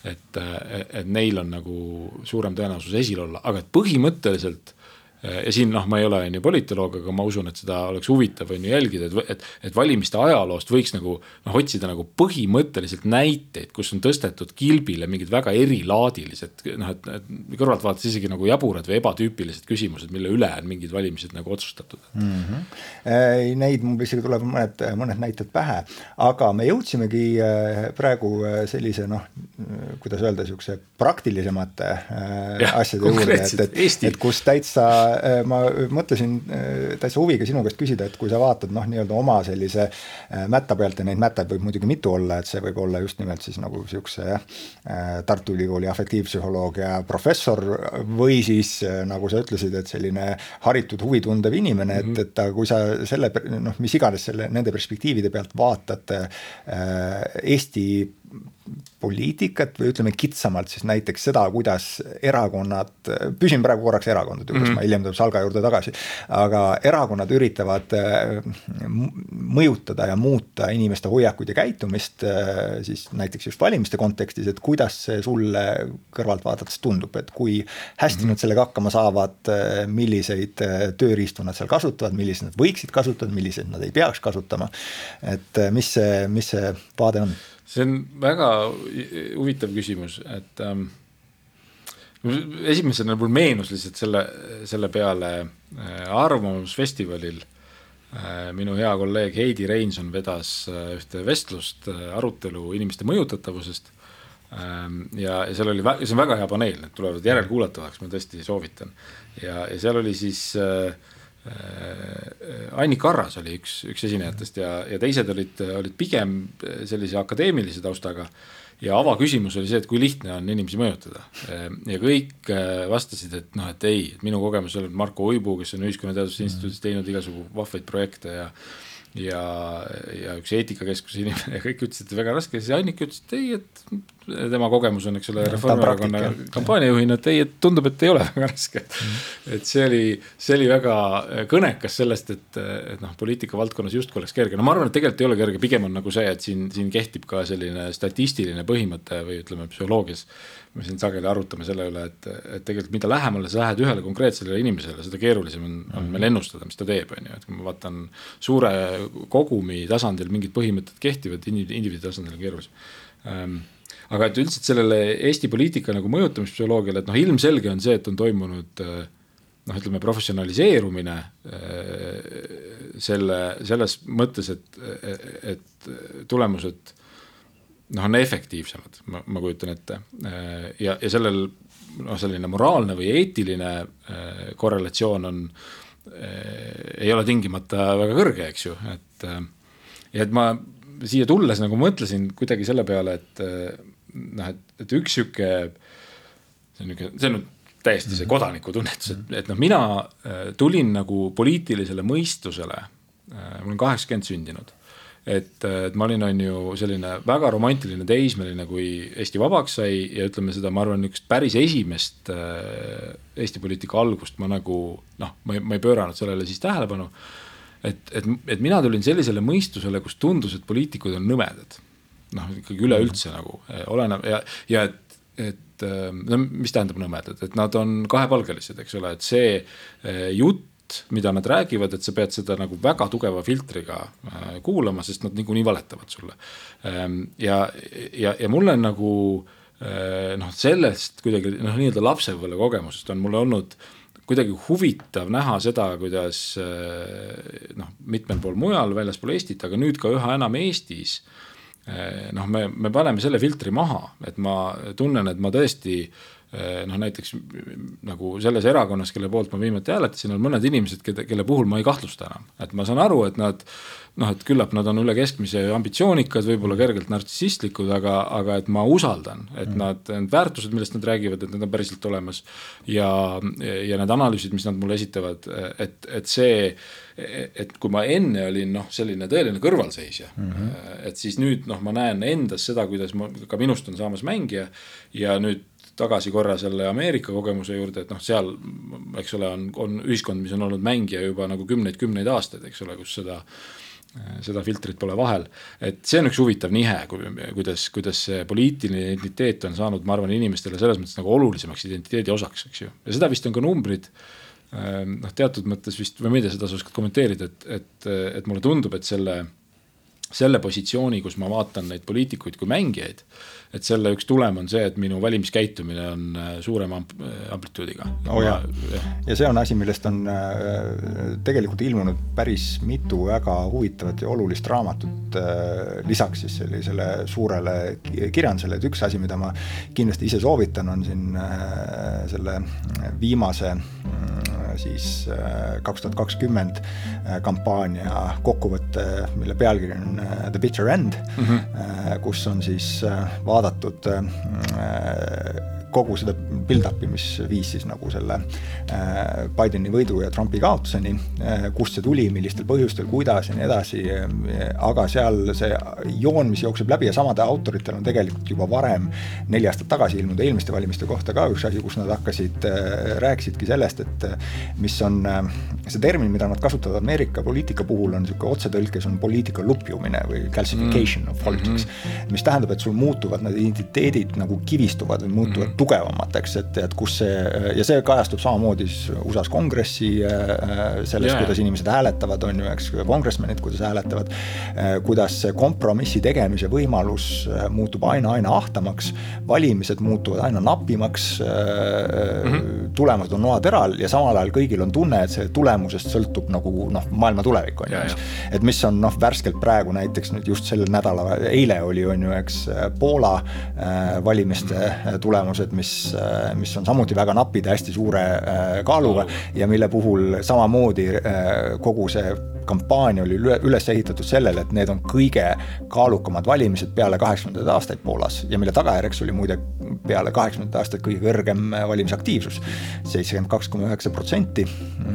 ja tõenäoliselt see tulemus ongi jah, praegu see, et, et Kaczynski ei jätka võimul, aga noh, me seda saame veel näha, et, et see on, aga jah, et põhimõtteliselt see, see dünaamika on seal kindlasti olemas, aga nüüd ma tuleks veel korra nagu ringiga tagasi selle juurde, kui ma enne küsisin näiteks, et liberaalne ja konservatiiv, et kas see on see, kes me oleme versus see, kuidas me käitume, et siis seal nagu omaette sihuke aspekt, et mida ka on tegelikult ju psühholoogias ja kirjanduses pikalt uuritud, on see, et, et kas näiteks needsamad maailmavaatelised lähtekohad, kas nad on noh, nii-öelda parema sõna puudumisel pärilikud. Mhm. -huh. et äh, mil, äh, kuivõrd meil on üldse endal võimalik äh, noh, kujundada endast mingi mängija ühes või teises meeskonnas ja kuivõrd see on antud meile kaasa meie mingi mingi nagu isiksuse pagasiga, eks, et mille ja, kohta jällegi ütleme, isiksuspsühholoogia nii-öelda tavateadmine on see, et, et see on asi, mida me ise väga muuta ei saa.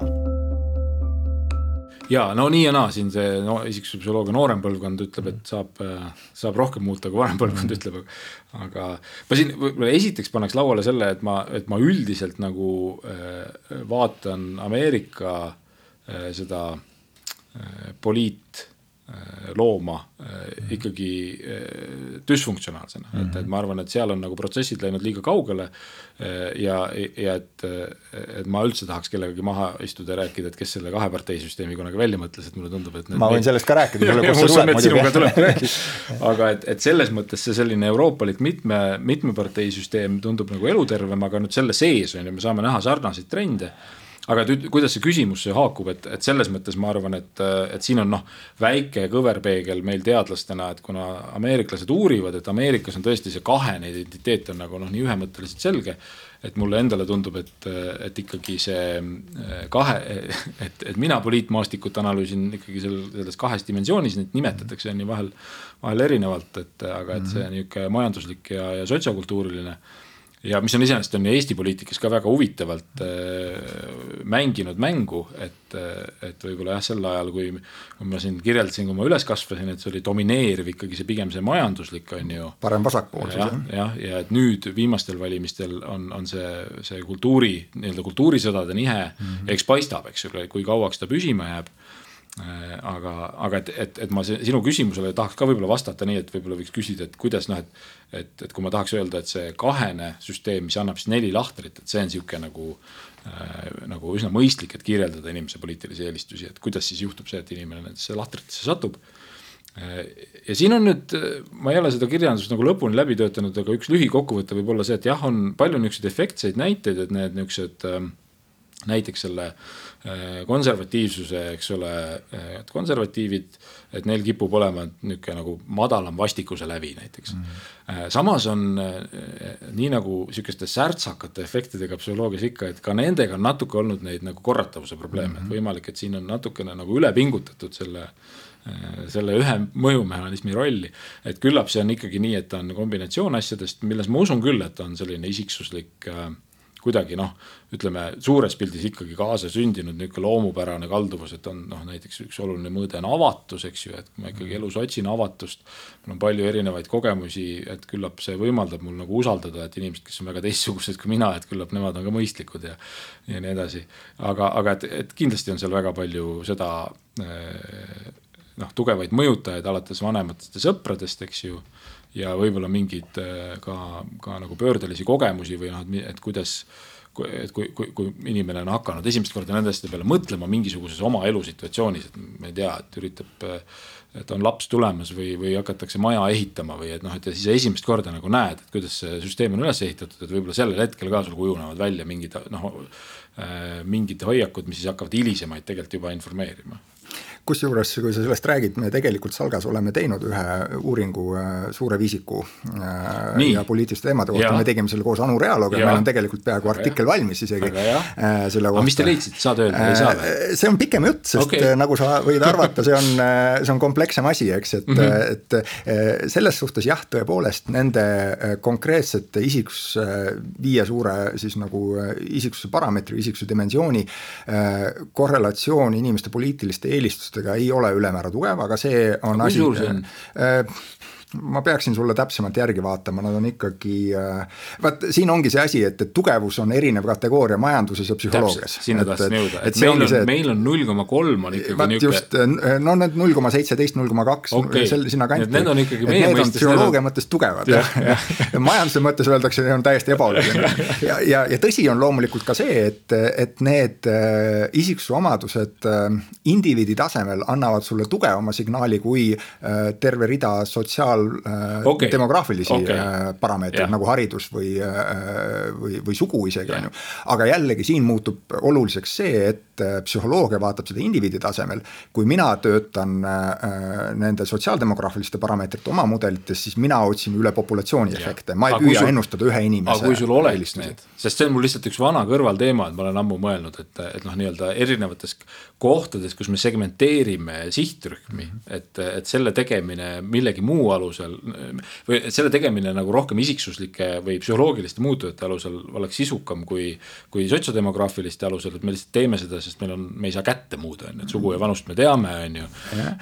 see on, nagu ma ütlesin, see on pikem jutt, et okay. seda me täna siia ära ei mahu okay., et ma hea meelega räägin sinuga sellest sellest pikemalt edasi ja ma loodan, et Anu tuleb ka äh, sellesse podcast'i, siis me saame sellest pikemalt rääkida, rääkida, et võtta selle asja korralikult lahti ja et mida me siis leidsime, mida sealt järeldada saab ja mitte. sest jällegi sellel on, äh, valmistudes selleks uuringuks, ma lugesin ka päris korraliku Virna varasemat mm -hmm. kirjandust läbi ja seal on väga palju mm -hmm. seda, mida on varem uuritud jah, et, et selle isiksuse omaduste ja inimese poliitiliste vaadete osas. ja nagu sa juba ka õigesti viitasid, siin on hoiakud või arvamused aja jooksul veidikene muutunud mm, -hmm. et mhm. kui jäigad või, või deterministlikud need seosed on või ei ole, aga see on omaette huvitav aspekt ja mis teeb selle jällegi keeruliseks tavaliselt või noh, ütleme nüansseeritumaks, sest tavaliselt, kui sa selliseid analüüse teed, siis sa ei tööta kitsalt mingite äh, ainult nende suure viie äh, baasil, vaid äh, sa paned nad mingite valikute konteksti ja siis töötad faktoritega näiteks mm -hmm. on ju, eks mm. -hmm. mis, mis lubab sul vaadata mingite latentsete mõjude taha, mhm. mis mm, -hmm. mis struktureerivad inimeste hoiakuid, mitte ainult nagu nii-öelda seda pinnapealset, seda hoiakute pilti, eks. nii et jah, et see on, mm, see on üks asi, mis ma tahtsin märkida, teine lihtsalt remargi korras, et, et kui sa küsisid ka seda, et kes mõtles välja selle kaheparteisüsteemi, siis ma arvan, et siin on õigem asi öelda see, et kaheparteisüsteem oli, oli lähtekoht, see on, see on vaikesätting. Äh, jah. et jah. Äh, see äh, Euroopa multiparteisüsteem, mida ka tegelikult niivõrd ei mõeldud välja, vaid see on tagajärg sellest, milline valimissüsteem on sul, kas sul on majoritaarne või proportsionaalne esindus. ja, ja no ma seda mõtlengi nagu. ja proportsionaalne kui... esindus toob endaga reeglina kaasa, see ei ole garanteeritud, toob toob endaga reeglina kaasa siis äh, mitmeparteisüsteemi, on ju, majoritaarne lõpuks taandub kaheparteisüsteemiks.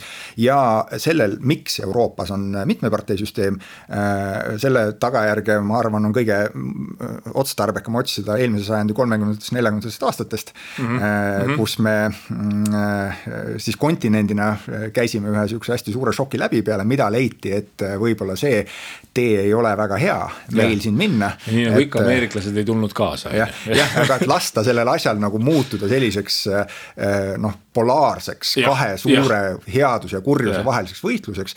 aga häda on selles, et me oleme, mulle tundub, et me oleme ka oma multiparteisüsteemides eh, väga kiirelt selles suunas teel, Euroopas laiemalt. no vaatame jah, sest selles mõttes noh, üks asi, eks ole, mis oli enam-vähem sellel hetkel, kui, kui kui mina Ameerikasse läksin, eks ole, selge vahe on poliitilise nagu kaasatuse mõttes mm. -hmm. et on ju, et see, et see hea ja kurja võitlus toob inimesed kaasa.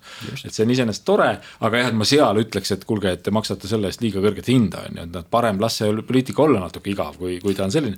et, et noh, et mingi optimistlik vaade oleks see, et me oleme leidnud Eesti, Eestis ja Euroopas sellise optimaalse populismi. et see on väga hea, et see nagu, et sa keerad, on ju, sellesse mitmeparteisüsteemi natuke tuld alla olla, äh, aga et niikaua, kui süsteem püsib koos, on kõik hästi, aga noh, ma saan muidugi aru, milles see risk on. see on see küsimus, kas ta püsib koos Just. ja, ja kas ta nagu transformeerub millekski, millekski muuks. ja siin me jõuame nüüd tõepoolest jällegi hästi sellise olulise küsimuseni, et mida sa ise mainisid, et kas see hind, mida me maksame, on, on õigustatud mm, -hmm. et kas see on nagu äh, äh, millele ma siin viitan või noh, ma põrgataks seda mõtet korra sinuga ka on ju, eks, et öelda, et, et äh, see polariseerumine, millest me räägime, seesama, see hea ja kurja äh, asi, sa ise ütlesid äh, noh, väga täpselt ja õigelt selle ära, mis on jällegi intuitiivselt äh, ilmselt enamuse inimeste jaoks hoomatav, aga mille kinnituseks on ka jällegi päris palju uurimust ja kirjandusi, et sedalaadi polaarne vastandus, see on hästi lihtne heuristika mm. -hmm. et sellega on hästi, äh, see on hästi võimas tööriist, et mobiliseerida inimesi, et saada neid nagu mm -hmm. ühelt poolt äh, just nimelt see käitumise pool, et, et tuua nad välja valima, on ju, eks. kui sa tõstad neid panuseid, keerad seda temperatuuri juurde, siis neid jääb vähemaks, kes ütlevad, ah mind ei huvita see mm, -hmm. mind ei puuduta, on ju, eks, et lõpuks on see, et, et peaaegu kõik võtavad seisukoha. ja teiselt poolt see tekitab ka sellist nagu Äh, noh, mis on jällegi sotsioloogias ja psühholoogias väga tuntud kontseptsioon, see in-group ja out-group mm -hmm. dünaamika, et, et mhm. sul on meie ja nemad on ju, eks, et mis. või noh, mõnes mõttes selle peal sa ratsutadki, on ju, et sa käivitad seda. et nad ongi sellesama protsessi nagu ja, kaks komponenti on ju, eks, et sa käivitad seda ja ütled, et see out-group ei ole lihtsalt inimesed, kes on teistsugused sinust, vaid need, kes tahavad sulle halba, kes Just. tahavad halba rahvusele või maailmale. et mm -hmm. või planeedile või mis iganes moel, et siin käivad kõik needsamad kultuurisõjad, mida sa mainisid, on ju, eks, et sisseränne, kliima, kõik need teemad, mis meil praegu nii tulipunktis on äh,, haakuvad sellega mm. -hmm. ja siin äh, see häda on nüüd on ju, eks valimiste kontekstis on see, et, et et sa ei saa seda nii-öelda nagu ühepoolselt mitte teha ühepoolselt mm -hmm. mitte keerata seda temperatuuri juurde, sest kui sa seda teed, siis äh, teine pool võidab mm. -hmm. see, kes, see, kes seda teeb, võidab ja see toob kaasa omamoodi sellise noh, vangi dilemma on ju, eks, et, äh, et sa käitudes, käitudes hästi, sa kaotad mm. -hmm. ja see motiveerib inimesi käituma selles mõttes noh, jutumärkides halvasti mm. -hmm. aga sellel halvasti käitumisel on ühine hind mõlema jaoks ja ka inimeste jaoks, kes, kes sellel hetkel tingimata seisukohta ja, jah, ja, jah, no on jah, jah, et mina, ma olen nagu mingil hetkel äh, enda, ma siin nendele küsimustele leian, et vastan hästi autobiograafiliselt mm, -hmm. et ma olen enda jaoks nagu äh, leidnud sellise kujundi, mis, mis aitab mul nagu äh, poliitikat äh, jälgida ähm,.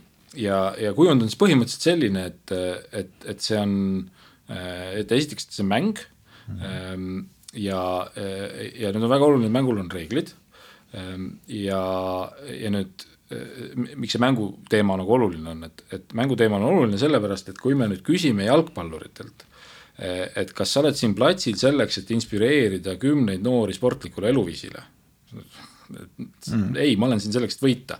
ja, ja, ja mulle tundub, on ka see, et, et me, et, et see on see koht, kus ma nagu lahendan ära selle, et ma näen poliitikut ajamas ebasiirast juttu, ma saan aru, et see, mis ta ütleb, ei ole see, mis teda tegelikult hommikul voodist välja ajab. voodist välja ajab see, et ta tahab võimule äh,, aga kui me oleme mängureeglid seadnud selliselt, et, et inimesed teostades oma isiklikku ambitsiooni Äh, noh, umbes nagu peaaegu nagu heitgaasina teevad Eestit paremaks, on ju, või ehitavad, ehitavad riiki.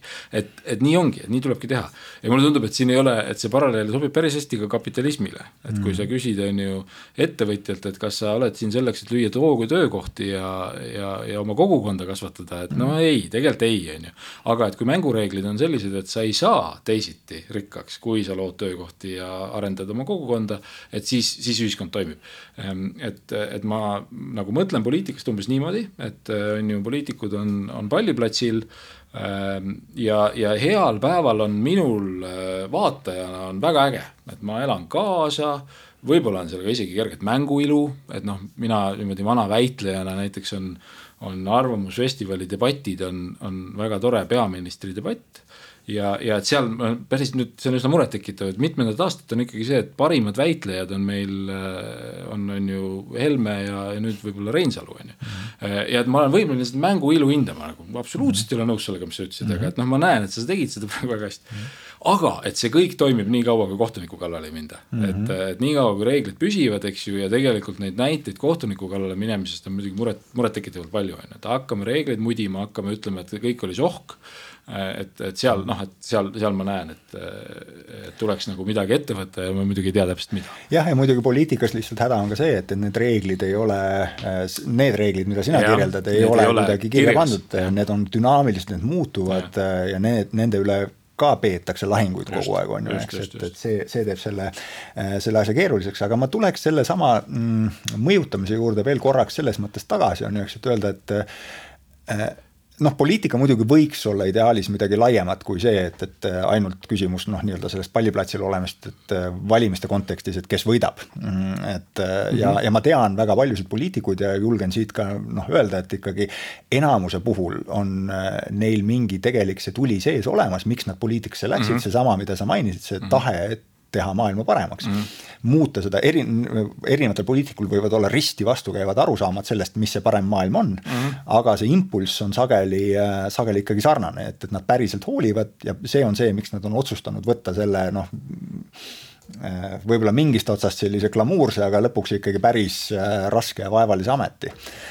teha seda, mhm. mida nad, nad igapäevaselt teevad, aga võttes korraks ainult selle valimiste konteksti, et siis seal on tõepoolest eesmärk see, nagu sa ütlesid jalgpalliplatsil, et, et sa pead võitma mm. -hmm. et selleks, et sa seda mm -hmm. oma nägemust maailmast ellu saaksid viia, pead sa, peab sul olema reaalne võimalus olla võimul, eks. ja, ja nüüd selle saavutamiseks tõepoolest tehakse tervet hulka erinevaid asju, mõned neist on kalkuleeritud, see on, tulles sellesama Annika Arrase repliigi juurde tagasi, et olles ka ise natuke seda maailma nuusutanud, siis ma ütleks, et mingis mõttes ma ütleks samamoodi mm, -hmm. et tegelikult ei ole raske mm -hmm. inimeste äh, käitumist äh, mõjutada suurel skaalal äh, sellises kontekstis. et seal on mingid asjad, mis üsna, üsna selgelt ja kindlalt, robustselt töötavad mm. -hmm. Need ei tööta indiviidi tasemel, tõepoolest nagu sa ütlesid, on ju, eks, et see, et sa ühe inimese hoiakuid suudad muuta, see võib väga-väga keeruline olla, aga seda ei olegi sul vaja teha, sest ja. sa ei opereeri ühe inimesega, sa opereerid kaheksasaja tuhande valijaga seal on ju, eks.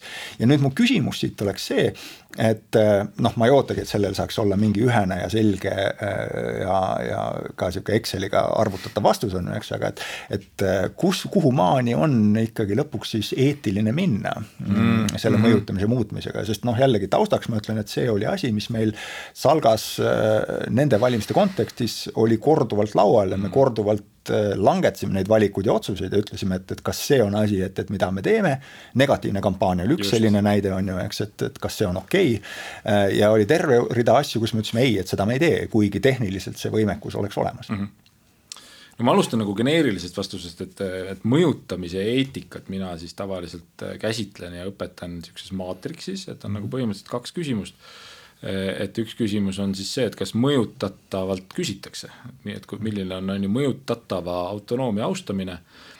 Ja, ja sageli see küsimus klaarib, on ju ühiskonnas ära mitmesugused, mitmesugused küsimused, et kui me küsime, et kas kasiinos võib, on ju inimesele järgmist raundi pakkuda, siis ütleme, et võib küll, sest ta ise tahtis sinna tulla, on ju, et et. aga ma küsin kohe siin näiteks seda, et, et ma ei tea, kui palju sa kasiinos oled käinud, aga äh, kas sa tead seal, et näiteks, et diilerid ei, äh, ei tohi kanda käekella ja kasiinos okay. mitte kuskil ei ole ajamärke, äh, kuskil ei ole kella no, väljas, on ju. aknad, aknad ei ole sellepärast, et inimesed ei näeks seda, kuidas õues pimedaks aeg, läheb, on ju, kuidas aeg liigub. sest kasiino eesmärk on see, et, et võtta sult ära see ajataju, on ju, eks, sest sul on vaja, et sa oleksid selles flow's sees, mida kauem sa ei oled, seda rohkem aja võidab. et neid asju tehakse ja nad on noh, nagu hallil alal, ma kohe ütlen, miks nad on mm -hmm. hallil alal, me võime öelda, et et on ka ütleme, kasiino oli jah, selles mõttes hallil alal näide, et meil on noh, näiteks inimene läheb, läheb nõustaja juurde, et psühholoogiline nõustaja, tegelikult mõjutab inimese käitumist, kui ta ei -hmm. mõjuta, siis ta on läbi kukkunud mm. -hmm. ja, ja et, et see on eetiline, sest inimene ise tahab. aga nüüd kasiino, et miks, miks kasiinod on siis sellele vaatamata legaalsed, et et nad on ikkagi legaalsed sellepärast, et seal noh, on nagu see, see inimese vaba tahte element, aga et sinna, sinna vaba tahte kõrvale ähm, ütleme, täpsem oleks küsida, et miks on näiteks nagu ukselt uksele müük legaalne, et seal mm -hmm. nüüd see vaba tahte element on ikkagi no parimal juhul on ta on ju väga hallil alal. Äh, et, et nüüd tuleb sinna teine telg juurde ja teine telg on siis ikkagi kasulikkus sellele -hmm. mõjutatavale. Äh, et, et mulle tundub, et me ühiskonnas mõtleme umbes niimoodi, et kui asi on kellelegi kasulik ja talt küsitakse luba, siis ei ole üldse küsimust mm, -hmm. selgelt eetiline. Kui asi on selline, et, et inimesel valikut ei ole ja see on talle selgelt kahjulik mm, -hmm. siis, siis on ka selge, et mm -hmm. siis on. ebaeetiline. aga nüüd need kaks lahtrit, mis üle jäävad, need on huvitavad, et me tolereerime asju, mis on inimesele ilmselt kahjulikud, aga mida ta on ise noh, vähemalt väidame, et täie teadlikkusega nagu valinud. suitsetamine näiteks. näiteks jah ja, ja teistpidi tolereerime asju, mis siis, äh, et inimene otseselt ei vali, aga me arvame, et tal on seda vaja ja nüüd mulle tundub, et see poliitiline mõjutus langeb enamasti sinna lahtrisse, on ju. Ähm, ja seal nüüd vastutus selles osas äh, on, on selle sõnumi saatjal, eks ju, et, et ta peab, äh, ta peab olema ise ja see noh, mul ei ole tegelikult, see ei lahenda midagi ära, eks ju, see, see lihtsalt kirjeldab seda olukorda, et meil on palju tegevusi, kus tegevuse enda läbiviija, siia ma paigutan sellesama ukselt uksele müügi ka. Mm on selle ära seletanud niimoodi, et, et see on vajalik, on ju, et inimesel pole infot muidu, kui ma seda ei tee või ta võib-olla laseb hea võimaluse käest või kui mina ei tee, siis tuleb keegi hullem ja teeb mm. talle, on ju. Ehm, et tal on enda jaoks, tal on need vastused, nüüd meie asi ühiskonnana on otsustada, on ju, et noh, kas me ütleme, et need on nagu okeid, okeid vastused. Ehm, ja selles jah, poliitmõjutuses et noh, natuke saab mõlemat telge ikkagi kasutada, et, et kui seda läbipaistvust peale keerata, kas siis on ju iseenda poolt teha see ja noh, mõnes mõttes nagu selles poliitkampaanias on see juba nagu vaikimisi kaasa antud, et, et üldiselt me õnneks teame seda, et inimene, kui talle öelda, et kuule, sind hakatakse nüüd mõjutama mm, -hmm. et siis see töötab päris hea eh, vaktsiinina, et inimesed tõmbavad kaitsed peale. Eh, et, et selles mõttes noh, nagu on ju, et kui on see Salga klipp, et seal on ikkagi all on logo, eks ju, kui oli või Äh,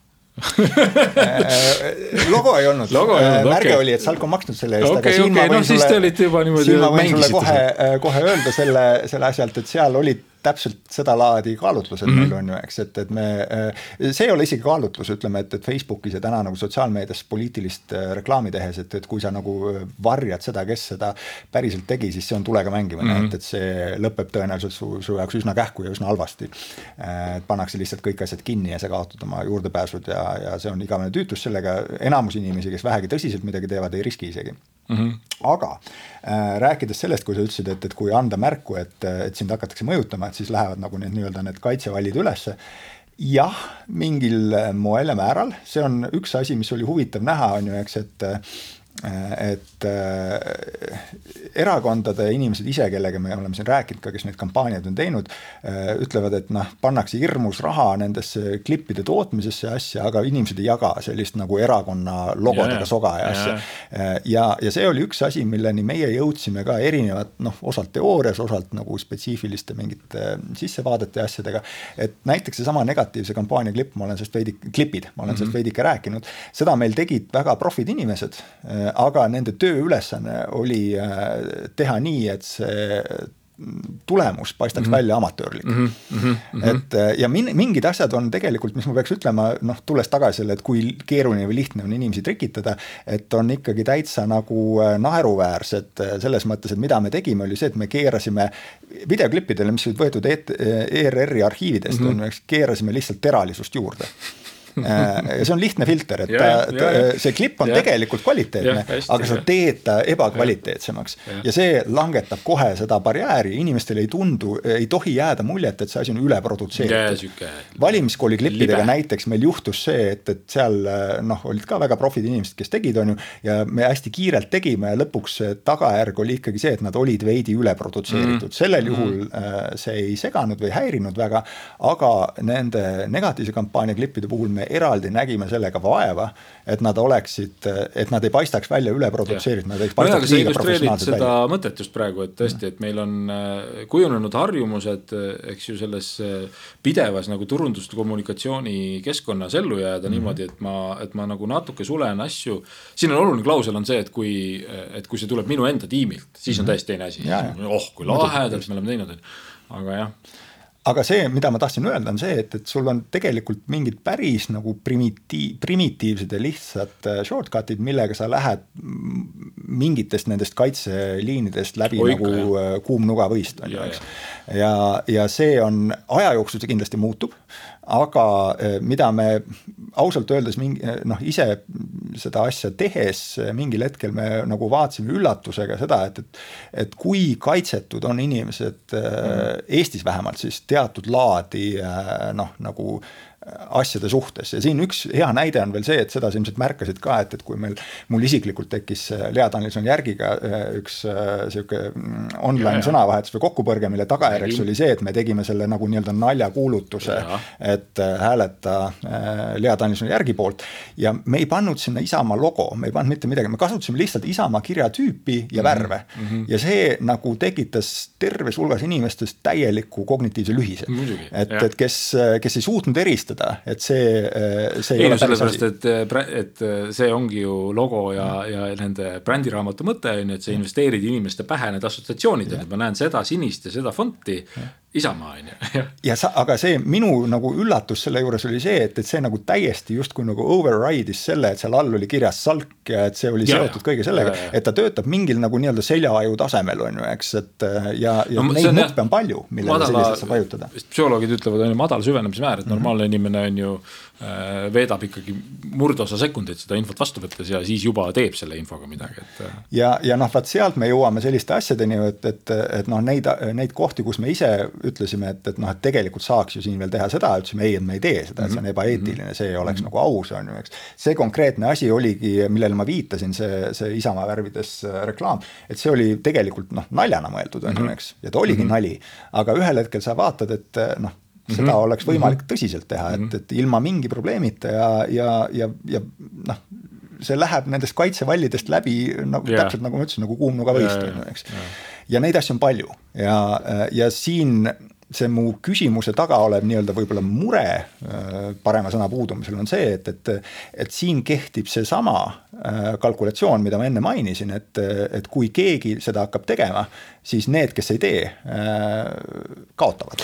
jah, see on ja see, on isegi nagu veel kahel tasandil, mulle tundub niisugune paras riugas, et, et esiteks võib see tõsi olla ja teiseks inimesed ütlevad seda endale isegi siis, kui see ei ole tõsi, on ju. et sa hakkad tegema mingeid asju hirmus, et see, et see niimoodi on. keegi teine teeb ja, ja, ja siis see ja. läheb jah. ja see eskalatsiooni oht on seal, ma arvan, ikkagi päris tõsine. nii nende valimiste sekkumiste osas kui, kui üldise polarisatsiooni osas, et, et need panused, panused tõusevad ja tõusevad ja me oleme nendes aegades olnud ajalooliselt ka siin kontinendil varem, on ju, eks, et, et see mhm, mhm. noh, asi, millega minul on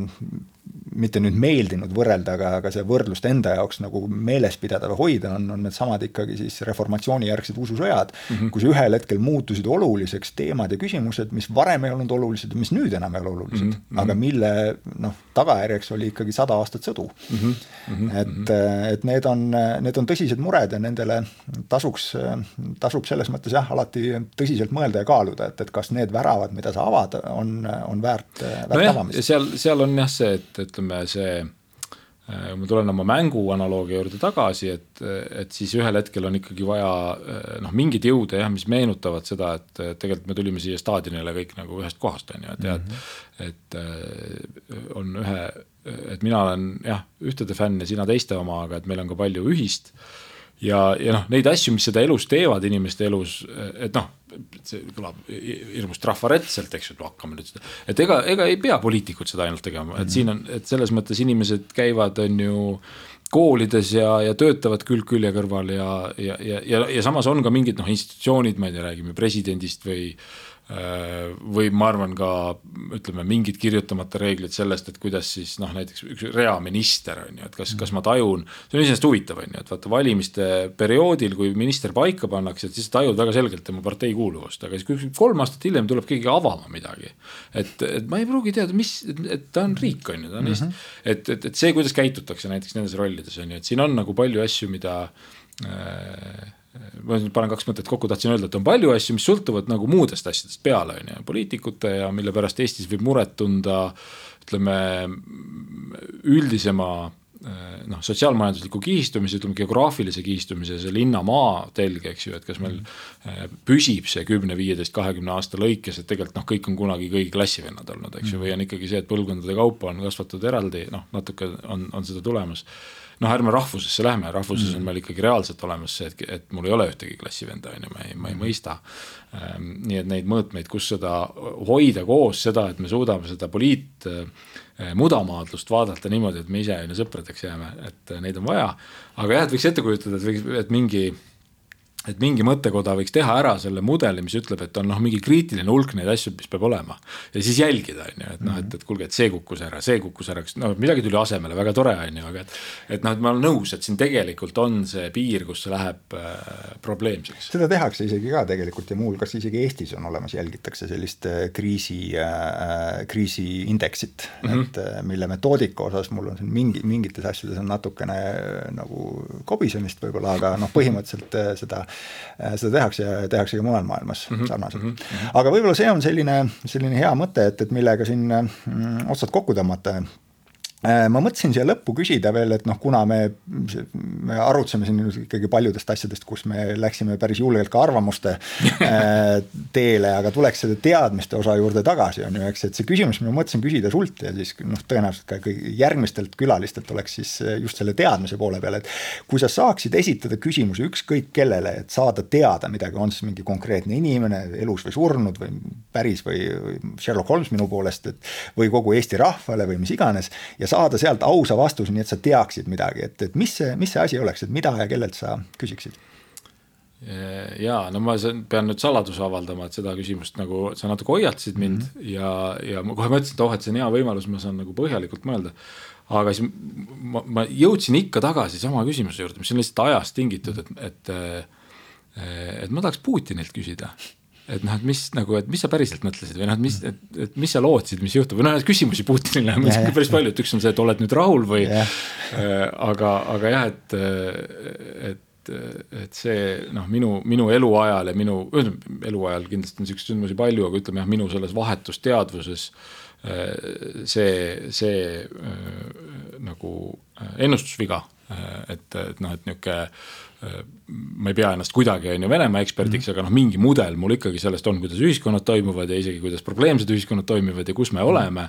ja selle suhtes noh, selle, selle, see reaalsus see, kui püsiv see reaalsus on ja nii edasi, et siis, siis sealt, seal on mul tekkinud niisugune uudishimu, mida mul varem pole olnud. kas see oleks äh, psühholoogiline küsimus selle kohta, et sa tahaksid teada, et, et kuidas tema pea töötab või on see, et äh, selles suhtes tõepoolest lihtsalt see küsimus, et mis sa arvasid, et juhtub? tead, see on, see on ka väga hea küsimus, et, et ma jah, ise psühholoogina ma ilmselt tahaks jah veel eh,, tuleb sinna see filter vahele panna, et, et isegi Putini aus vastus on ju, kui see olekski täiesti aus, ei pruugi ikkagi adekvaatselt peegeldada kõiki tema otsuseid, nagu me oleme täna on ju rääkinud, et sul on mingid tegurid, mõnele mõtled rohkem, mõnele vähem, nii et hea oleks veel uurida on ju ka põhjalikumalt.